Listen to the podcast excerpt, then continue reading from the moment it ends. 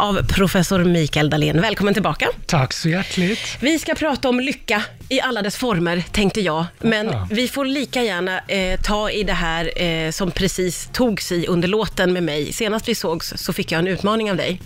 Att jag skulle äta gurka varje dag för att få igång mitt grönsaksätande. Jag misslyckades ju med det något alldeles oerhört. Jag åt lite gurka i tre dagar. Sen var det som att min hjärna bara, va? Gurka? Så jag eh, gjorde en, eh, som en struts och liksom duckade för dig under lång tid och kände att jag var ett fail. Nej, lite gurka är bättre än ingen gurka. Det är väl eh, ord att leva efter, va? Jag gillar ändå din positiva inställning. Det är så här, det, it's all good, ta det bara lugnt. Eh, nu ska vi inte prata om mig och gurkan, utan vi ska prata om dig och lycka. Eh, och på det ämnet så har ju du då eh, gjort din första performance lecture.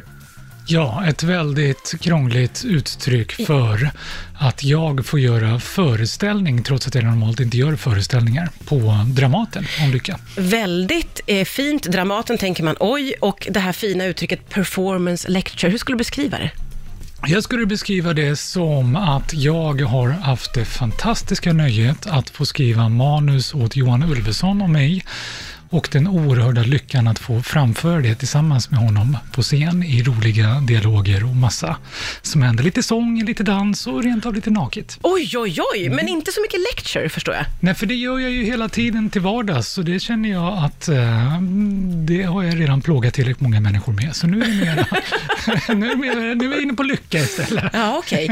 Hur har det varit att skriva det här manuset? Det är ändå en ny slags utmaning för dig. Ja, fantastiskt kul. Bland det roligaste jag har gjort. Och tänk att få, få skriva ord som ska göra Johan Ulveson rolig, som redan är så rolig. Låter som att det kan vara ganska pressande när man börjar tänka på det. Mm, därför tänker jag inte så. Nej, okej, jag du- tänker bara, åh vad kul, hur ska Kul, det här kul, gå? Mm. kul. Ja. Hur är det att jobba ihop då med Johan Ulveson? Väldigt kul. Det kan jag varmt rekommendera alla. Om vi nu ska prata lycka, så ett hett tips. Eh, jobba med Johan Ulveson. Ja, Mm. och vad är det för, hur ser ert samspel ut i den här showen? Det är intensivt. Är det det? Ja. Han har en väldig massa klädbyten.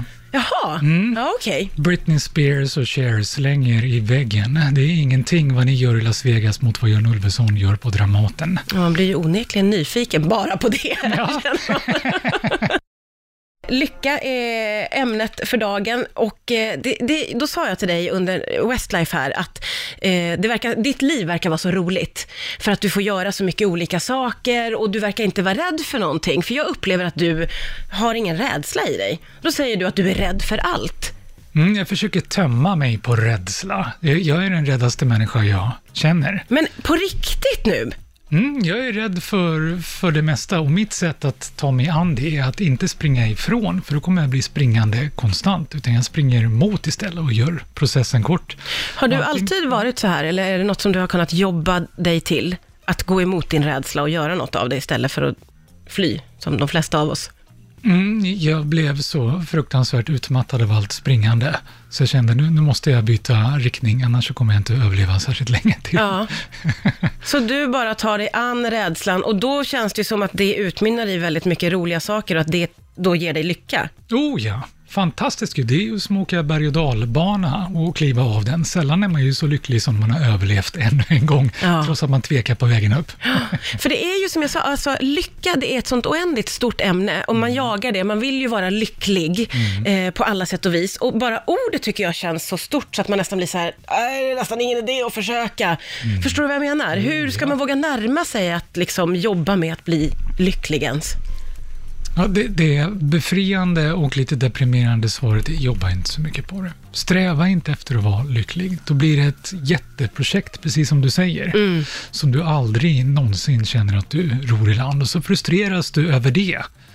Det är, jag hittade på ett ord för det, för att försöka få något grepp om det, att vi blir hypokondriska. Ja, Vi blir som hypokondriska med lyckan. Vi tror att vi är olyckligare än vi egentligen är, därför att vi tänker att vi borde vara lyckligare än vi är.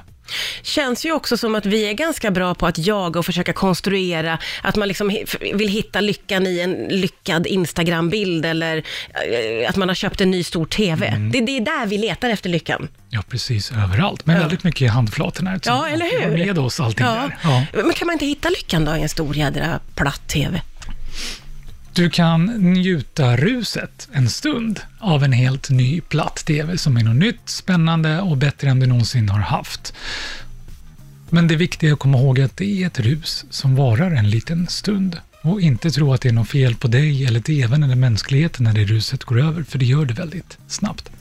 Det är professor Mikael Dahlén som gästar mig idag. Vi pratar om det lilla pyttelilla ämnet eh, lycka. Nej, det är ju ett oändligt stort ämne, men vi har i alla fall kunnat snäva av det lite till att eh, det här med att vi, vi, vi försöker köpa oss lycka. Vi är ute efter lite kickar och tillfälliga rus när vi tror att vi kan bli lyckliga genom att köpa platt-tv eller eh, eh om, göra om i vardagsrummet.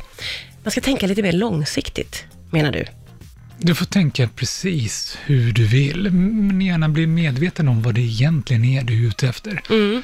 Och en sån kick är någonting annat än att få den här varma, behagliga, tillfredsställda känslan. Som man ofta pratar om om man är professor och forskare om lycka som jag gör, mm. och pratar om livstillfredsställelse och välmående och sånt, så är det någonting som inte blir lika intensivt. Det är ingenting du studsar hem med i ett par plastpåsar. Nej, oh, man har studsat genom åren, herregud.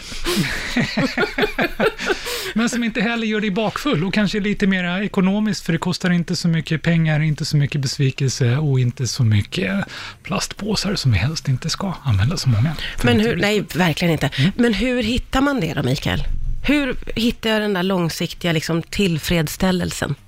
Den handlar mera om att vara dig själv tillsammans. Att inte leta utanför dig själv, utan att leta i dig själv tillsammans med andra. Vi är väldigt sociala varelser.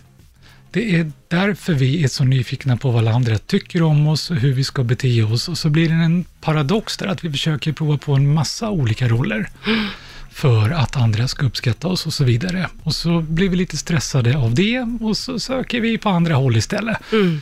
Men om vi går tillbaka och försöker känna efter, vem trivs jag bäst att vara och, och är den tillsammans med andra? Då är man någonting riktigt varmt och skönt på spåren. Du har ju ägnat dig mycket åt träning eh, och lite, träning som går lite utanför ramarna upplever jag, och träna mm. och äta glass samtidigt och alla möjliga underbara eh, upp, uppfinningar. Släpper också en bok som kommer idag. Ja, stämmer. Eh, Starkt kul. Mm. Då tänker jag att träning har gett dig mycket lycka. Ja, och träning ger lycka. Det har jag också forskat om. Mm. Både den eh, naturliga belöning du får när du rör på dig och kroppen blir lite starkare och lite friskare.